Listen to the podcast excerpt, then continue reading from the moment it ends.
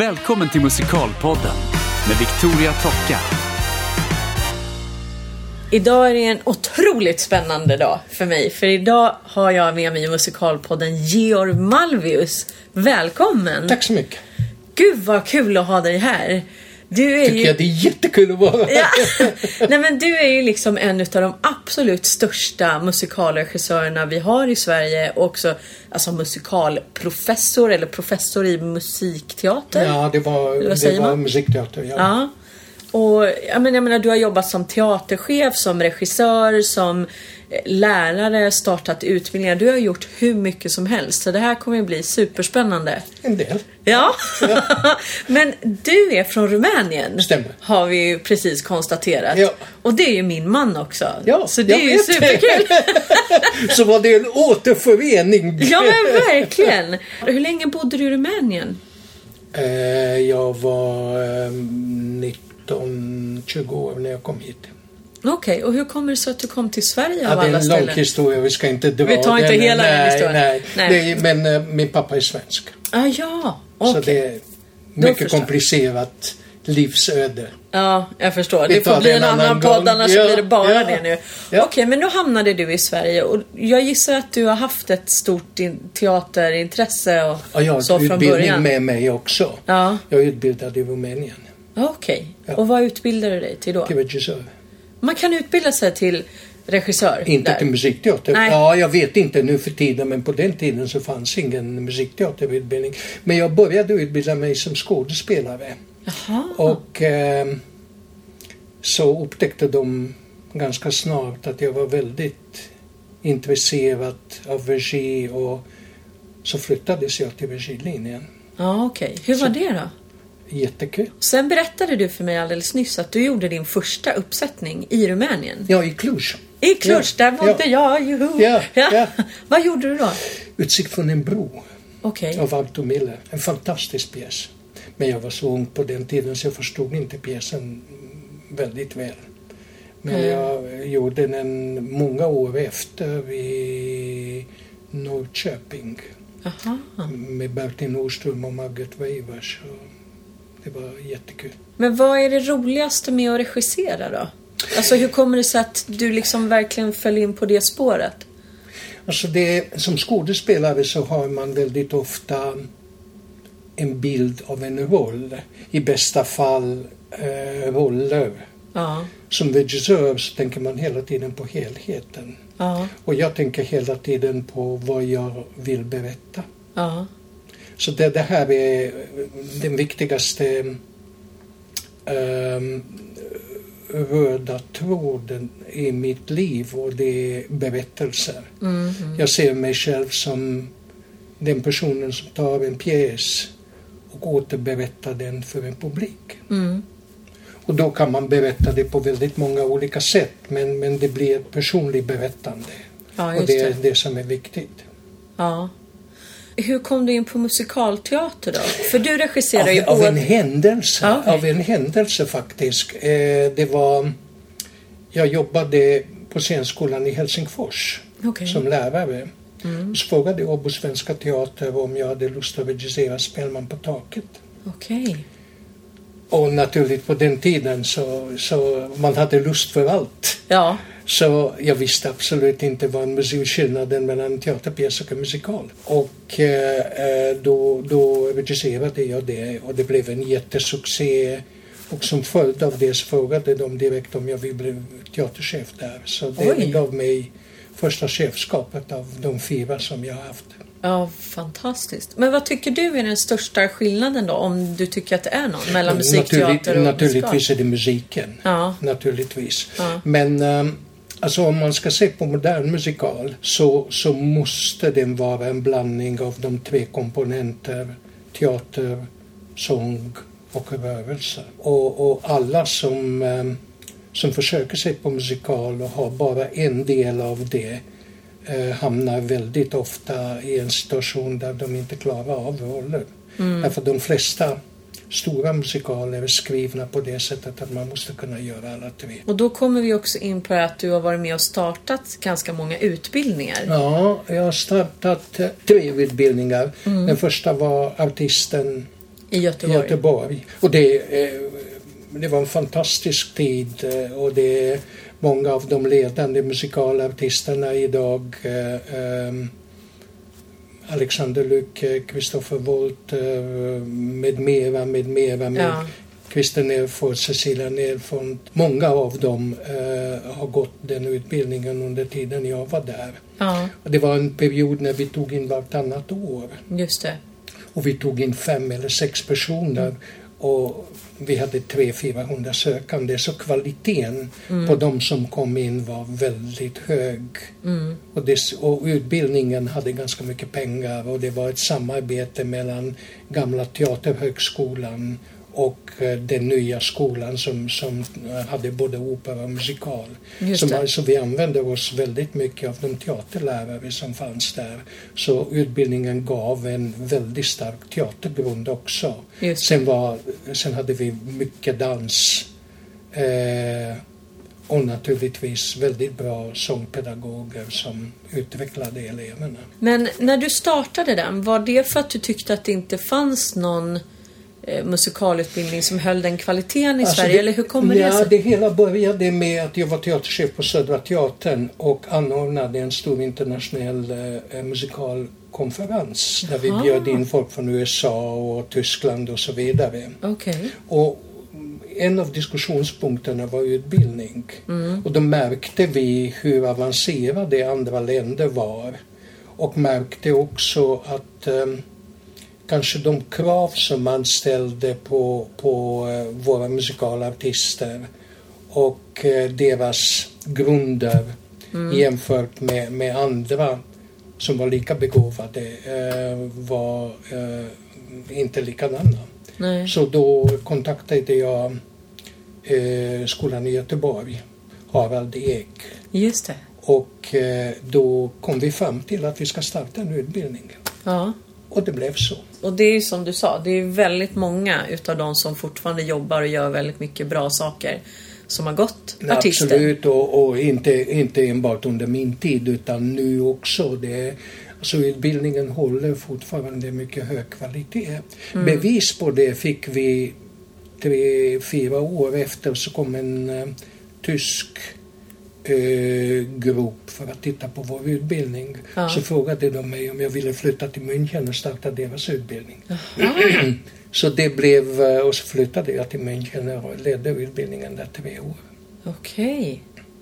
Ja, för sen har jag hört att du startade någonting i Finland också, Ja. stämmer det? Men det var någonting helt annat. Jag har Okej. alltid, alltid funderat på vad ska man göra för de ehm, personer som är väldigt duktiga dansare men lite svagare sångare och lite svagare på skådespeleri. Ja. Eller många väldigt bra sångare Mm. som inte har skådespeleriet med och, och dansen med.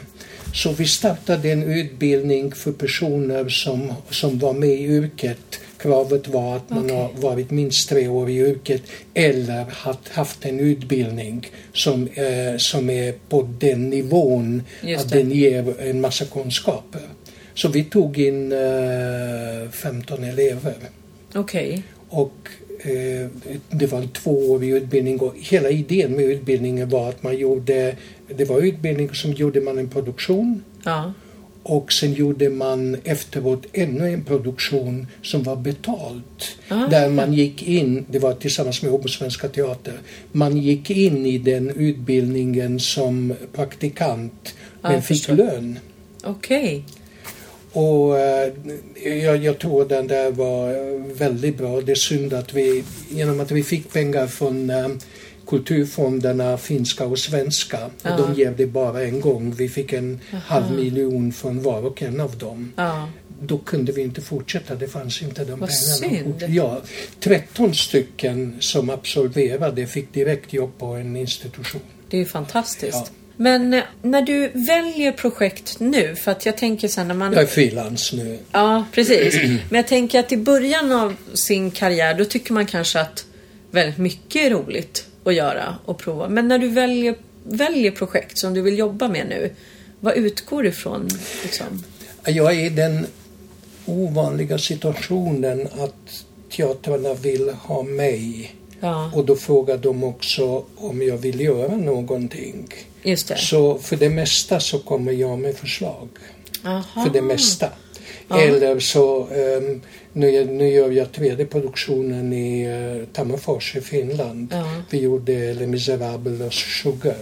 och Just så det. hade vi en lista på tio verk som jag tillsammans med teaterchefen tittade på. Okej. Och så blev det Cats till slut. Aha. Eh, Men, men det var, vi, vi, kunde, vi kunde inte få rättigheterna på en del saker som vi ville gärna göra. Ja, jag förstår. Och sen, eh, ja, genom att jag jobbar med en väldigt bra koreograf, hon heter Adriane Råbjörn, eh, så möjligheten att göra någonting sånt för övrigt som Cats är ganska ovanligt. Ja. Därför det är inte en, man ska säga 90 procent eller 80 procent ett koreografs jobb. Ja, just det. den. Men det var ett väldigt intressant projekt så vi fastnade för det. Hur tycker du att det har gått då? Ja, vi har premiär i september. Jaha, vad Ja, vi har roligt. premiär, precis. Så vi sätter igång den 24 april. Okej. Jobbar två månader och sen två månader på hösten. Ja. Men det fantastiska är, och det förstod jag inte i början, är att vi har sålt över 90 procent av biljetterna på hösten. Det är Och det, fantastiskt. jag trodde aldrig att attraktionskraften Nej. av det här materialet, för jag såg det för många, många år sedan. Nu när jag var i New York så såg jag den igen. Och, och fortfarande så, så vet jag inte riktigt vad är som drar folk till det här. Men alltså omedelbart när vi, när vi öppnade så det var rusning till biljetten. Ja, det är sånt man måste tänka på också. Ja, Eh. först och främst för en teater som... Alltså, eh, före detta chefen på Stadsteatern i Helsingfors, Asko Sarkola, eh, sa alltid att eh, om jag inte lyckas med stora, stora scenen ska jag stänga teatern. Mm.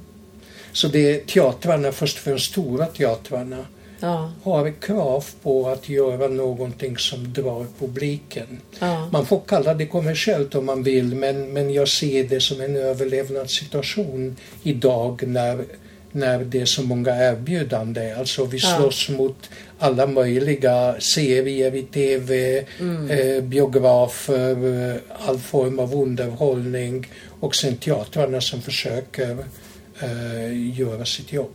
ja. Har du någonting som du inte har gjort ännu? Som du Ja, det- fortfarande har på listan? Ja, sådär? det, det, det är många saker som jag inte har gjort. Ja. Ehm, alltså det som, eh, det som jag just nu förhandlar om är jag ska göra Tarzan. Åh, vad roligt! Ja. Eh, det är inte, tyvärr är det inte klart med rättigheterna ännu men vi vill göra Tarzan kan man säga. Ja. Eh, sen eh, eh, jag ska till Berlin och förhandla om ett jobb. Okej. Eh, och eh, de vill göra Fame. Ska vi se vad det blir till slut. Eh, sen är det... eh, alltså jag har gjort Shakespeare in Love nu. Okej. Pjäsen. Jag visste inte ens att det fanns en sån pjäs. Fantastisk pjäs. Fantastisk pjäs. Okej. Alltså det, jag älskade varenda ögonblick av den. Gjorde den på Dramateatern. Alltså den teaterpjäs, det är ingen musikal. Nej, jag förstår. Ja. Men eh, så nu diskuterar vi vad nästa projekt ska vara och jag är så förtjust i, i War Horse. Ja, Har okej. du sett den? Jag har inte sett den. En underbar berättelse. Filmen är också jättefin men, men pjäsen är fantastisk. Okej. Så det, det, det är alla möjliga saker som ligger just nu i uh, förhandlingsdel. Jag jo, förstår. naturligtvis. Jag blev djupt förälskad i en, en musikal som heter Dear Evan Hansen. Ja, det såg jag att du skrev på Facebook. Du såg den på Broadway nu. Ja, just det. Ja. Vad handlar den om? Det? Det handlar om en, en eh, pojke som, som har både autism och, alltså lätt autism och eh, han är fruktansvärt ensam Okej. och ingen vill umgås med honom. Nej. Sen eh, finns en kille på skolan som, som är skolans machokille. Och de träffas bara en gång och börjar prata med varandra. Sen dör den där killen. Oj. och han startar en form av fond för den där killen och låtsas att den där killen har varit hans bästa vän. Okej. Och möter hans familj, eh, den där killen som dog, hans familj. Okej. Och ehm, ehm, så, så skriver han i en blogg massa vackra saker om den här killen som inte stämmer alls. Okej. Alltså det, det är vä- väldigt bra musikal. Ja, väldigt, vä- väldigt bra musik. Ja. Kanske får gå och se om vi kan få biljetter då och gå och kolla. Ja, gör det därför att det, ni, ni, jag är säker på att ni kommer att tycka om det. Ja. Har du sett eh, Waitress? Nej. Den tyckte jag också var väldigt Ja. fin. Den är ju lite lättsammare sådär men jätteväl Ja, skriven jo, alltså. Jo. Jag, mm, jag ska inte säga att jag hann inte men jag prioriterar bort den Ja, jag förstår. genom att eh, jag fick biljett till Hamilton och Ja, sen... eh, Vad tyckte du om Hamilton då? ja, jag tyckte det var fantastiskt. Ja, Jag tyckte det var fantastiskt alltså. vad roligt. Det är det först och främst att komma på den idén att göra en musikal på rap Ja, är, är genialt. Men sättet de gjorde det.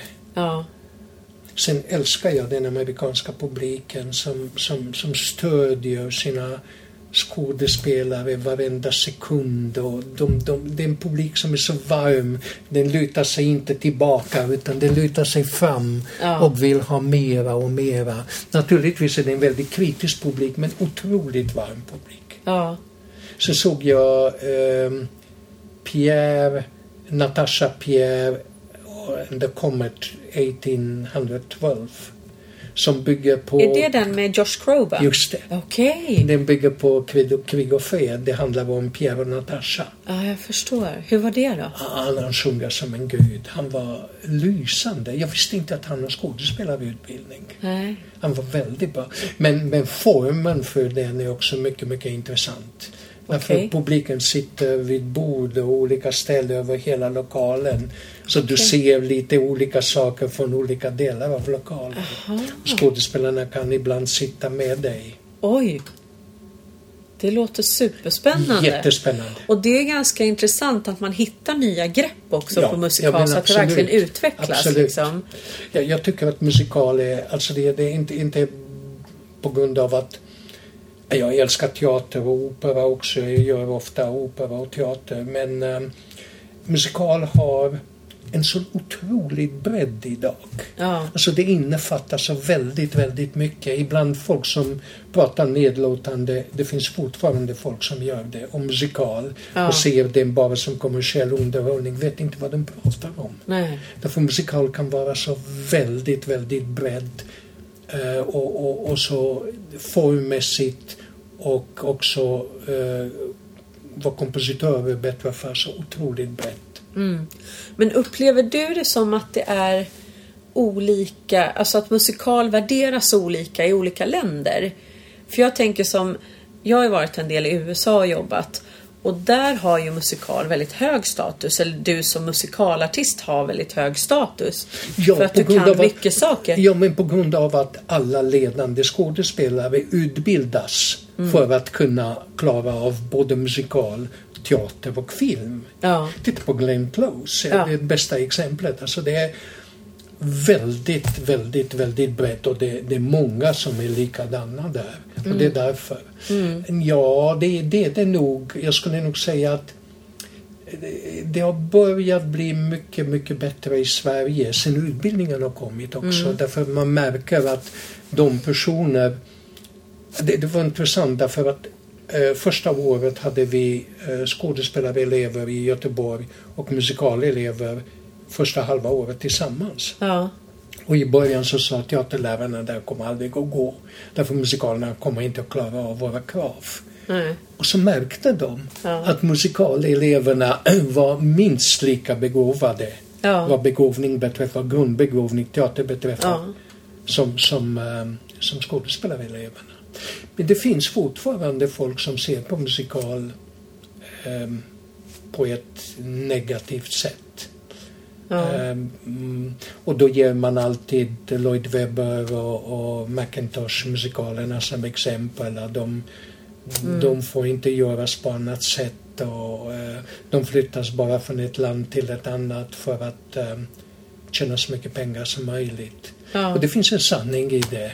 Å andra sidan så finns väldigt, väldigt få musikaler som du inte får eh, göra, alltså, som du inte får frihet att göra. Um, Fantomen är fri, jag gjorde den Jag tänkte i- precis säga det. i egen, egen uppsättning. Jag har gjort Fem Misérables som inte hade någonting att göra med den uh, ursprungliga konceptet. Ja. Hur var det att göra Fantomen då på sitt eget sätt? Det var liksom? jättekul. Ja. Det var jättekul. Naturligtvis det, det finns en grundsvårighet i all Macintosh-material därför att du får ett kontrakt som är en bok. Ja, okej. Och där står det skrivet allt som du får och inte får göra. Okej. Eh, och man får alltså inte ändra, man får inte ta bort, Nej. eh, man får inte ta bort eh, någon rad i texten och man får inte ta bort någonting ur musiken. Eh, och, och, men, men å andra sidan, det är så spännande att hitta en annan ingång och Ja. berätta en helt ny berättelse. Ja. Men hur känner man då, som regissör när man får ett sånt där kontrakt? Blir det liksom hämmande eller är det bara roligt att försöka liksom ta sig förbi de där hindren? Jag har aldrig tänkt på att det Nej. hämmar mig. Nej. Genom att det, det eh, jag gjort, tror jag, ett sju, åtta Macintosh Mm. uppsättningar. Ehm, så, men det, det har aldrig varit problem att jag har känt att åh, nu får jag inte göra det här. Utan det, det är att hitta ett annat sätt att berätta. Ja. Och vad var ditt sätt med Fantomen då? Alltså vad, vad tänkte du där? Ehm, Alltså det, det, det var på det sättet att 1944 så ju- bombades teatrarna i Tartu och i Tallinn. Okej. Eh, så de var i ruiner. Mm. Och eh, ja, min ingång var att Fantomen fanns både före det, kom att finnas efter det och att han skadades eh, genom att han var märkt. Han, det, det, det står alltså in, det står bara att möjligen är, det, är det att han är född på det sättet. Ja. Men det står inte att han är det. Nej. Och då tänkte jag att han skadades i någon form av krig som Okej. barn. Ja. Och han hatar krig. Ja. Och när han försöker eh, eh, övertala Kristina att stanna med honom så visar han krig. Titta vad som, som, som kommer att hända Ja. om du, om du går tillbaka till de vanliga människorna. De kommer att döda varandra. Ja. Och det var ingången i hela föreställningen. Vad spännande. Fasen vad synd att jag aldrig fick åka och se det där. Ja, vad synd. Den ska inte upp igen. Ja, alltså vi har spelat det tre år och nu var det sista föreställningen för två veckor sedan. Men sen så var folk från London där Ja. Och de frågade om, om teatern ville fortsätta med det. Ja. Så den kommer tillbaka 2019, 2020. Vad roligt. Ja men då får jag boka in en resa. Det är bara så. Ja, det är välkommen, jag ska Ja. skaffa biljetter. Ja, det behövs inte. Jag köper gärna en biljett. Det är ingen fara. Men vad kul. Eh, men vad var det jag tänkte på? Jo, och när du var i New York nu sist, då var du också och såg Sunset Boulevard. Ja. Som jag också ska se i maj. Jag Ja. har ju sett den när den gick liksom för många år sedan. Men nu är jag supersugen att se den igen. Det tycker jag också är ett otro... Alltså det är en väldigt bra historia. Det, det, det är också det som är roligt med den. Jag såg den gamla uppsättningen för många år sedan. Ehm, Jag tycker att, nu minns jag inte vad hon heter, regissören. Ehm, Men ehm, hennes sätt att berätta historien. Också, orkestern är på scenen. Och de spelar framför orkestern och i massa trappor eh, Nu? runt omkring. Ja. Oh, Så det, du ser hela tiden kapellmästaren som, som slår. ja, okej. Eh, men, men, Kristen Blodgett är det som slår va? Ja, just det. Ja, Kristen jobbar jag med i Fantomen i Köpenhamn. Ah, Vad kul. Ja, vad kul. jätteroligt. Vad kul. Eh, men jag tyckte att hon var lysande. Jag menar, folk naturligtvis kan alltid prata om eh, och att det här höjtonen var inte viktigt. Vi pratar om Glenn Close nu. Ja, Ja. om det här, det här eh, höjtonen var inte viktigt. Men, men, men å andra sidan eh, när man gör åtta föreställningar i veckan jag såg en söndag matiné. Förresten, det var Glenn Close födelsedag så det var väldigt roligt. roligt. Så hela publiken stod upp och sjöng för henne. Det var Ja. väldigt roligt. Eh, så så eh, jag, jag tror inte man ska, man ska se det. Men hon är ju 70 år också. Jo, hon det är ju helt 70. galet. Fantastisk, fantastisk. Ja. Och jag måste säga ännu en gång, jag skrev till Fred Johansson. Ja. Han var lysande. Han var lysande. Han var, och hans skådespeleri var av väldigt, väldigt hög kvalitet. ja. Jättekul. Men tänk också att få jobba med en sån legendar som Glenn Ja, Close. jo. Och hur mycket man kan plocka upp Ja, men liksom man, på man, man, den. märker på, man märker på alla, på hela ensemblen. Ja. Och hela, därför de pratade efteråt. Mm. Eh, Det var just den veckan när de samlade pengar för eh, aids och för ehm, Okej. ehm, de som är sjuka eh, i andra sjukdomar, så skådespelare och så vidare. Så att de, de eh, pratade efteråt. Ja. Man märker på hela ensemblen hur de lyssnar på henne. Ja, och hur de, hur de Alltså det, det, det fanns en värme på scenen som, som, som man känner väldigt starkt. Ja. 70 år är hon ja. ja. Otroligt. Ja men det är otroligt. Ja. För jag menar, och åtta föreställningar i veckan. Ja, Alltså man ja. får väl förlåta lite grann ändå. Herregud, ja. Herregud.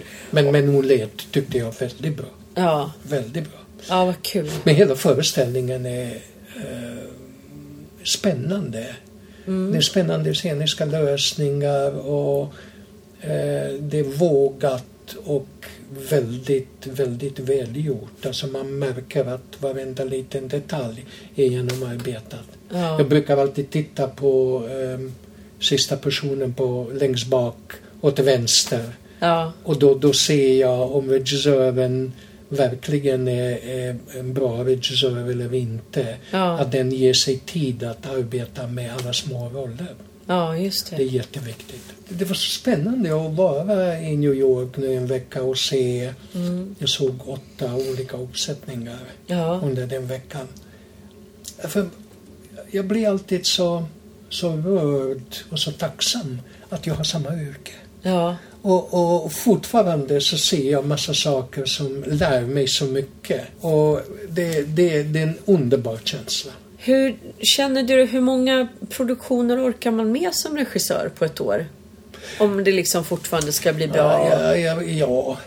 Hur mycket Alltså, förberedelse Det är behöver man? Och så? Ja, förberedelse. tänker det. det är jättemycket. Alltså det, det, jag, jag tror att svaret ligger inte i hur många produktioner man gör Nej. utan hur, mång, hur mycket man kan förbereda Ja. och hur bra man hinner förbereda. Ja. Och ehm, jag har lärt mig att aldrig gå till en repetition om jag inte är förberedd. Nej. Så ehm, i, i, i praktiken, jag skulle nog säga jag har gjort upp till sju produktioner. Ja. Men eh, nu är jag, tror jag förra, alltså förra året gjorde jag fem. Och i år så ska jag försöka dra ner det till tre. Sen nästa år så vet jag inte riktigt vad det blir. Nej, jag förstår. Hur tänker du kring auditions och sådär? Ja. För det tänker jag att det är sånt som många funderar över som lyssnar på podden också. För det är mycket liksom folk som precis ska gå ut skolan men även yrkesverksamma naturligtvis som lyssnar och funderar. Ja men hur, hur tänker du kring auditionprocessen? Har du ofta folk som du vet redan innan att de här vill jag gärna jobba med? Eller ha, brukar du liksom hålla stora öppna auditions? Eller hur tänker du kring det? Är det Så ditt beslut? jag, är, eller? jag är en stor vän av öppna audition. Ja, Men å andra sidan så måste jag säga att jag, öppna audition måste funka på det sättet att man eh, får CV ja, och man börjar titta på det. Eh, och då tittar jag på två saker. För det första Ja. om folk har utbildning ja, och eller om folk har gjort någonting. Ja.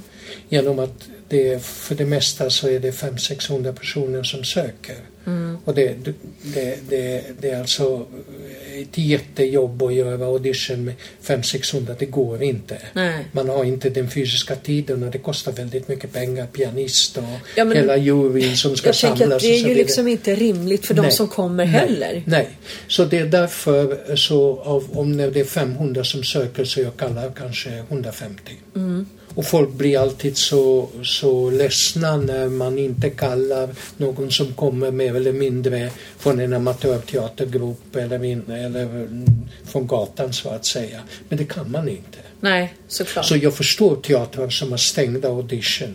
Just det. Det förstår jag. Men till, till den andra delen av din fråga. ehm, ja, det finns eh, några roller som är klara från början. Ja. Det skulle vara konstigt annars Ja. på grund av att man måste bygga sin ensemble på några personer. Just det. Eh, och det ger de bästa resultaten också. Till exempel gjorde Miserabel med, med Alex Lycke som Valjean ska göra den igen nu i Jönköping. Just det. Ehm, och då, då visste jag när vi tog Alex att förresten så gjorde han audition som alla andra. Ja. De ja. var tre stycken som var mycket nära.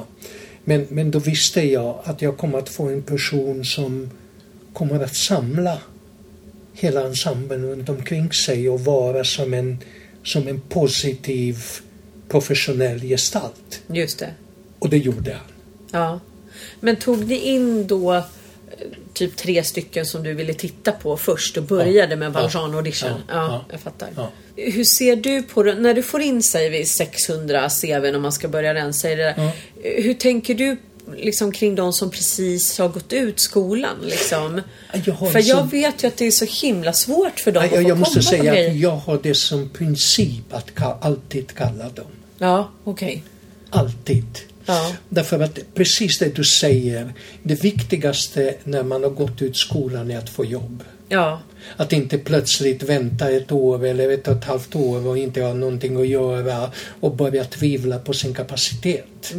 Utan man ska försöka få jobb så snabbt som möjligt. Så Mm. jag kallar dem alltid till audition. För att de, det är ju extremt lite auditions just nu i alla fall i Sverige. Jag vet jag de som ska gå ut i år. Jag, jag tror att de har varit, liksom fått komma på kanske två auditions eller något sånt där. Kan det är helt galet. Mm, mig. Och med tanke på då hur mycket utbildningar det finns och det ploppar upp utbildningar överallt nu Ja. så alltså blir det en extrem obalans i hur många som utbildas och hur mycket jobb det finns och att en som sagt får komma på audition. Ja, det har du rätt i. Um, alltså,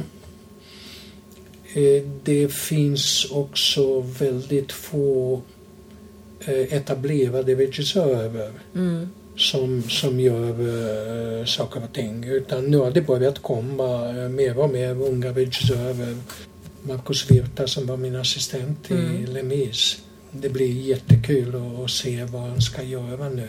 Ja, Ehm, men ehm, ja, det är bara ett exempel. Det Ja, finns, ja, det finns flera stycken. Men ehm, de har redan en grupp skådespelare eller en grupp musikalartister som de vill gärna jobba med. ja, Sen är det också så att teatrarna har ehm, eh, jobbat med visa personer mm, så mycket mm, att de, de känner dem och litar på dem och ser att det passar på teatrarna. Mm. Jag tänker på Christopher Wolter och, och Malmö. ja. Han, han, han Nej, men gjort- för det där är ju en väldigt intressant sak. För det sa ju Kristoffer till mig när vi pratade Mm. att framförallt när du hade hand om utbildningen på artisten så var det ju väldigt bra möjligheter för bra praktikplatser Ja. för artisten-eleverna. Det. Jag vet inte hur det är längre på artisten, om det är på samma sätt. annorlunda. Det är helt annorlunda. Men det var ju ett otroligt bra sätt också att få in folk Ja. i jobb. För att Ja. det handlar ju så himla mycket om precis det du säger nu. Kontakterna, att folk ska lita på att man blir rekommenderad kanske av någon, i det här fallet eh, av dig, som är liksom en otroligt fin liksom, kvalitetsstämpel. Utbildningen och att, ja men du vet så här, och så Mm. kommer man in på en jättebra grej från början och sen rullar det på. Men det är ju inte lika lättarbetat för den stora massan av musikalartister som kommer ut. Nej, och det är det alltså Kristoffer och tror jag tre till i hans klass gjorde sin första praktik på Stadsteatern i Stockholm i Spelman på taket som jag satt upp. Just det. Och de andra, alla, alla gjorde praktik antingen med mig eller eh, Christer Nerfont och Cecilia Nerfont eh, gjorde Spelmannen på, på Malmö Opera samtidigt som praktik. Så, och det här ger dem möjlighet att komma in på en teater, att jobba med väldigt etablerade artister, skådespelare, eh, att plötsligt vara i ett stort sammanhang, en stor musikal och, och få möjligheter. Och det tror jag det här har hjälpt dem väldigt mycket eh, i, Ja, i starten. absolut. Ja. Men när du sitter på en audition då och tittar på folk, vad tittar du efter mest? Vad är liksom viktigast tycker du? Det är en svår fråga därför att Ja. ibland efter 20 sekunder så vet man att man är intresserad eller inte intresserad. Ja, Men jag tittar på allt. ja, Och det försöker jag alltid säga till folk som gör audition. Från det ögonblick ni kommer genom dörren ja, till det ögonblick ni lämnar rummet. Allt, allt är viktigt. just det. Därför att ehm, jag minns en audition vi hade på skolan. Vi, har, vi hade en väldigt bra pianist som hette Bernard Matatski. Ja, Ja, Vi känner Bernhard, Ja, känner Bernhard. Fantastisk man, jag älskar Bernhard. ja. Ja, och det var eh, en, en eh, tjej som gjorde audition och Bernhard spelade som vanligt.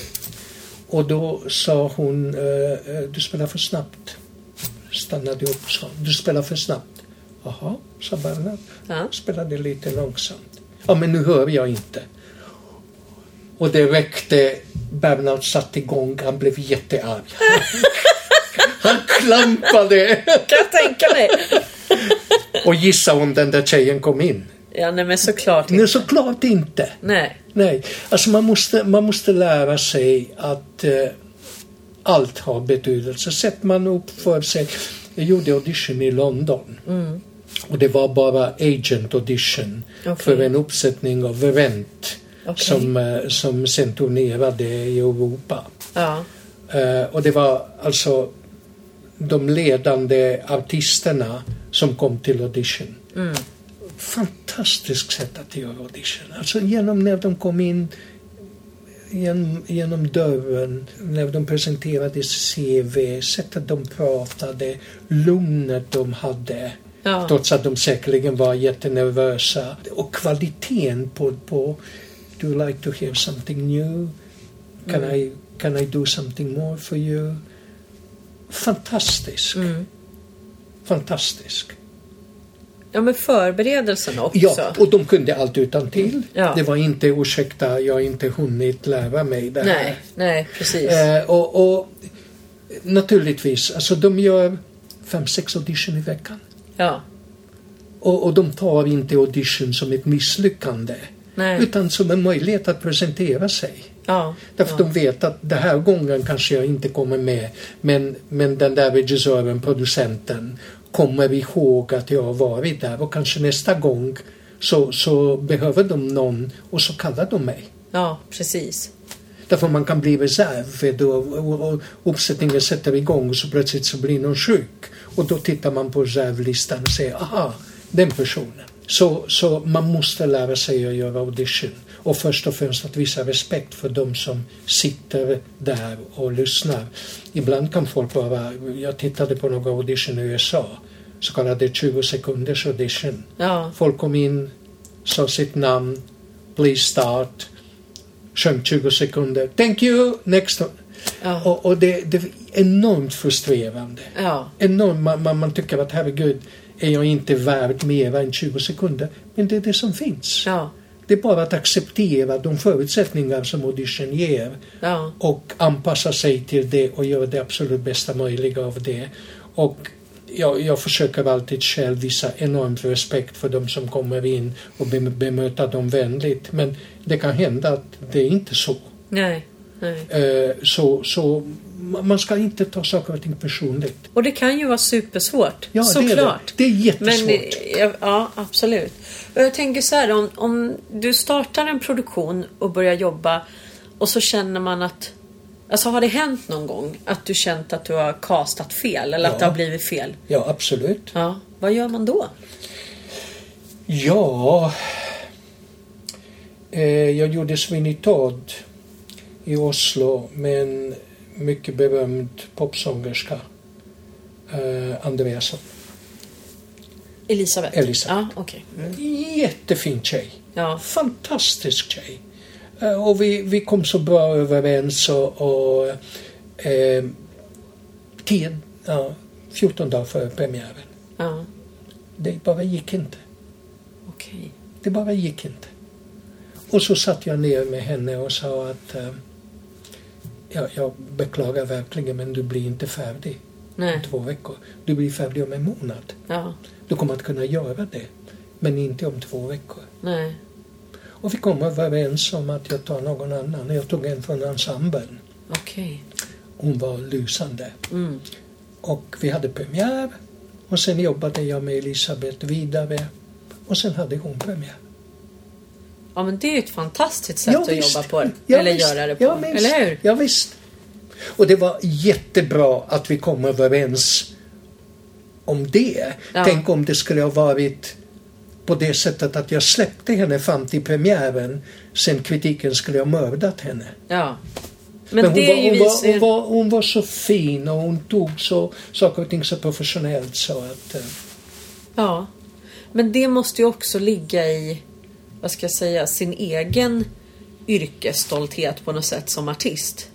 Att man, man vill ju naturligtvis göra en så bra prestation som möjligt. Men det, det, det, var, eh, det var väldigt svårt därför naturligtvis som artist Ja. är det så svårt att ta någonting sånt när någon säger att du kommer om två veckor inte att kunna göra det här. Nej. Då, då måste man verkligen tro på sig själv Mm. tillräckligt mycket för att säga okej, men om en månad så klarar jag av det. Ja. Eller om, om en och en halv månad. Ja. Ja. det kommer du. Och det var det viktigaste. Ja. Men jag har varit i situationer där vi har eh, vi har haft till exempel i en produktion två stycken Valjean. Alltså det är så svårt. Första tio minuterna är det svåraste i hela musikalen för Valjean. Ja. Han bara fixade inte det. Och jag väntade och väntade och väntade och väntade. Ja. Men det, det, han jobbade och han försökte men det gick inte. Nej. Så till slut så hade vi bara en Valjean. Men om man har folk som... För jag kan tänka mig att det kan ju också hända i en ensemble. Att det är folk som, inte vet jag, får attitydproblem eller det är liksom... För där måste det ändå också vara regissörens uppgift mycket att liksom styra upp gruppen och hålla ihop gruppen. Och hur gör man då? Vad ska jag säga? Jag har jobbat med väldigt många eh, komplicerade människor. Ja, ja. Men i det ögonblick de är begåvade så kan jag stå ut med komplikationerna. Okej. jag förstår. eh, men, men självklart, alltså det finns en... Alltså en, en, en, en regissör, eh, först och främst i en stor uppsättning, måste visa för det första att den vet vad den vill Ja, och att den kan. ja, Men också att den leder uppsättningen. Det, det, det kan inte vara på det sättet att man eh, är undfallande och säger ja till allt. Det är ju ingen demokrati om man säger så. nej, det, det, och inget socialt arbete heller tyvärr som många Nej. ibland tror att det men, vad synd. Ja, Ja, men det, tyvärr så funkar det inte på det sättet. Naturligtvis ska man försöka hjälpa människor. Men premiären, premiärdatumet ligger där och då måste man klara av jobbet. ja. Annars går det inte. Men hur ser du på framtiden här nu då? Jag tänker på som sagt drömprojekt. Är, när du sätter dig och liksom som du sa, ofta så har ju du teatrar som vill jobba med dig och så kommer du dit med förslag. Så här, har, har du någon så här gyllene lista tänkte jag säga som du har framför dig nu där du känner att de här grejerna skulle jag verkligen vilja göra framöver? Ja, det är Van Hansen. Mm. Uh, Sunset. Sen finns musikaler som man naturligtvis, jag menar vi kan aldrig göra Hamilton i, i, i, i Sverige eller i Skandinavien därför att för det första så handlar det om amerikansk historia eh, och eh, i och för sig så tror jag på en stor, jättestor teater skulle det gå bra men, men jag är inte så säker på att den där kommer att komma till Sverige inom de närmaste tio åren i alla fall. Nej. Eh, men det, det, det, finns en, en massa bra musikaler som fortfarande teater, Ja. opera. ja, såklart. Ja, Men vi älskar ju musikaler, ja hur? det gör vi. Det gör vi. Och jag älskar musikal, verkligen.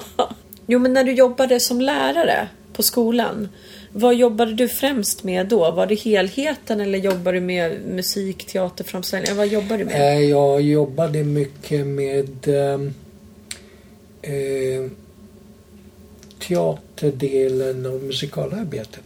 Ja, Också någonting som är väldigt intressant i musikal, bortsett från de genomkomponerade musikalerna, ja, men de mera klassiska musikalerna, är övergången mellan teater till sång. just det. Och, och, och det hur man, hur man eh, ska tänka eller hur man eh, ska jobba som artist för att förstå att man går över från en dialog eller en monolog in i en, i en sång. Mm. Eh, just att man, att, det, att dialogen inte stannar upp och så börjar vi sjunga. Nej, just det. Utan, utan att det är, en, det är en fortsättning i samma situation eller det leder in i en annan situation. Ja, Det är det som är, det tycker jag är så spännande. Sen gjorde jag många av eh, våra projekt och slutproduktioner och så vidare men eh, just, just den och, och hur man som, som artist sysslar med interpretation. ja, Alltså hur tar du en, en sång och gör det till ditt? just det. Det är, det är väldigt spännande. På vilket sätt eh, i, i en musikal, en, en aria, eh, kan göras på sånt sätt att du berör människor med den. På Ja. vilket sätt sätter du in din personlighet, dina känslor i den. Mm. Eh, det, det här är saker och ting som intresserar mig väldigt mycket. Ja. Och när du jobbar med ett projekt då och då har du valt en eh, artist som ska göra en specifik roll. Hur mycket utrymme har den personen att liksom vara med och to- alltså, tolka. Ja, tolka sin roll eller komma liksom med input Ja. där eller hur? Eh, det, det här skiljer sig väldigt mycket. Ja, Um, I det ögonblick jag jobbar med folk som jag ser uh, tillför mycket så ger jag dem väldigt mycket utrymme. ja just det. I det ögonblick jag jobbar med folk som jag märker eh, måste um, regisseras väldigt noga Mm. då eh, får de väldigt lite utrymme. Ja, jag förstår. Men, men det, det här är inte av snällhet eller att, att, jag är, att jag är elak eller någonting sånt utan alltså jag måste vara säker på att en situation funkar. Ja, exakt. Och, och ehm, jag känner på mig själv instinktivt i det ögonblick jag jobbar om någonting är bra eller dåligt. Och efter så många år i yrket eh, så, så, ehm, så känns det automatiskt i det ögonblick någonting är rätt eller fel. ja, Sen kan man göra det som är rätt på många olika sätt. Ja, Men, men eh, i det ögonblick jag märker att någonting är rätt som jag har fått, Ja. då vill jag gärna att den stannar kvar på scenen. ja, En annan sak som intresserar mig mycket är att, att regissera en föreställning på det sättet att, att på premiären är den så tydlig och så stabil att föreställning nummer 58 inte blir en, en annan produktion.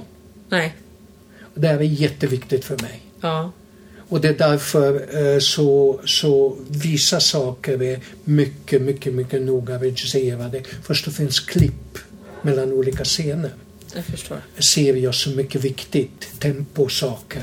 Ja, Eh, hur man, eh, hur man går vidare från en situation till en annan så plötsligt inte scenen faller och publiken börjar gäspa och så behövs 30 sekunder eller en minut för att de ska komma in i situationen igen. Nej. Utan man klipper på ett sådant sätt att, att det blir eh, hela tiden en bra övergång och håller spänningen kvar. Just det. Vad tycker du att du har lärt dig mest då under Alltså, din, om man ser till din egen utveckling som regissör under alla år du har hållit på. Vad, Tålamod. tålamod? Ja, jag har eh, eh, haft väldigt lite tålamod. Okej. Och på grund av det så kanske ibland eh,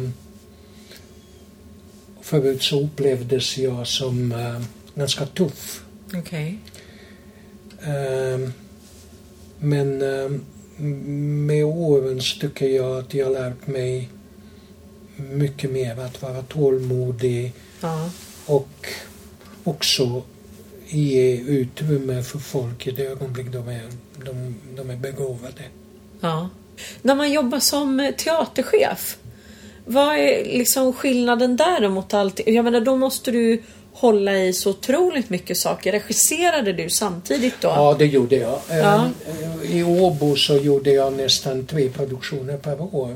Oj. Under de fyra år som jag var där, och fyra år. Ja. Sen eh, Örebro också regisserade jag väldigt mycket, både, både musikal och teater. Ja. Och det, det var en teater eh, i början där man inte eh, såg musikalen eh, så med, med så blida ögon.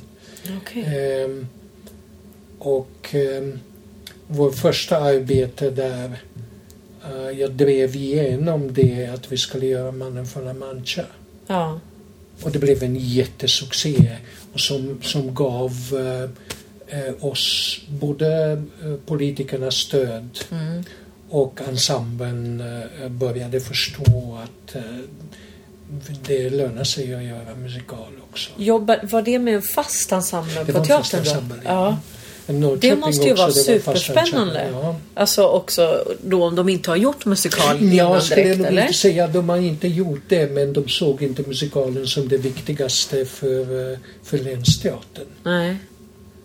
Det var övergången när eh, Örebroensemblen var en del av Riksteatern och så blev vi Länsteater. Det var just under min tid. Ah, ja.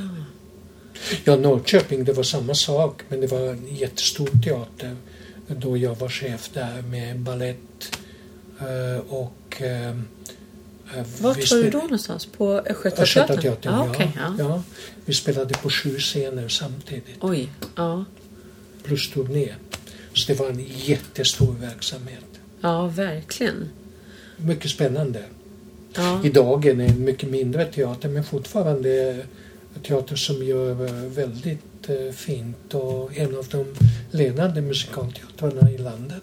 ja, jag har varit där och tittat på flera grejer de har gjort genom åren. Tycker jag ofta att de Jag gör skulle säga eh. Värmlandsoperan och, och eh, Östgötateatern är kanske de främsta intressanta musikalteatrarna som vi har just nu. Ja. Och sen har Staffan nu eh, lyckats få Jönköping Komma igång där. Komma igång där. ja, det ska bli jättekul att se Ja, vad han gör vidare med... ja Les Misérables kommer nu. Ja, jo, jag Just vet. Jag Ja, vet. ja. Jag har köpt biljett redan. Måste åka och titta på Alex. Det går ju inte annars. Nej. Nej, det måste man göra. Du, stort, stort tack för att du Ja, ville komma och prata med mycket. mig. Tack så mycket. Det var ett jätteintressant samtal också. Ja, tack Ja. snälla Georg. Tack så mycket. Musikalpodden med Victoria Tocka.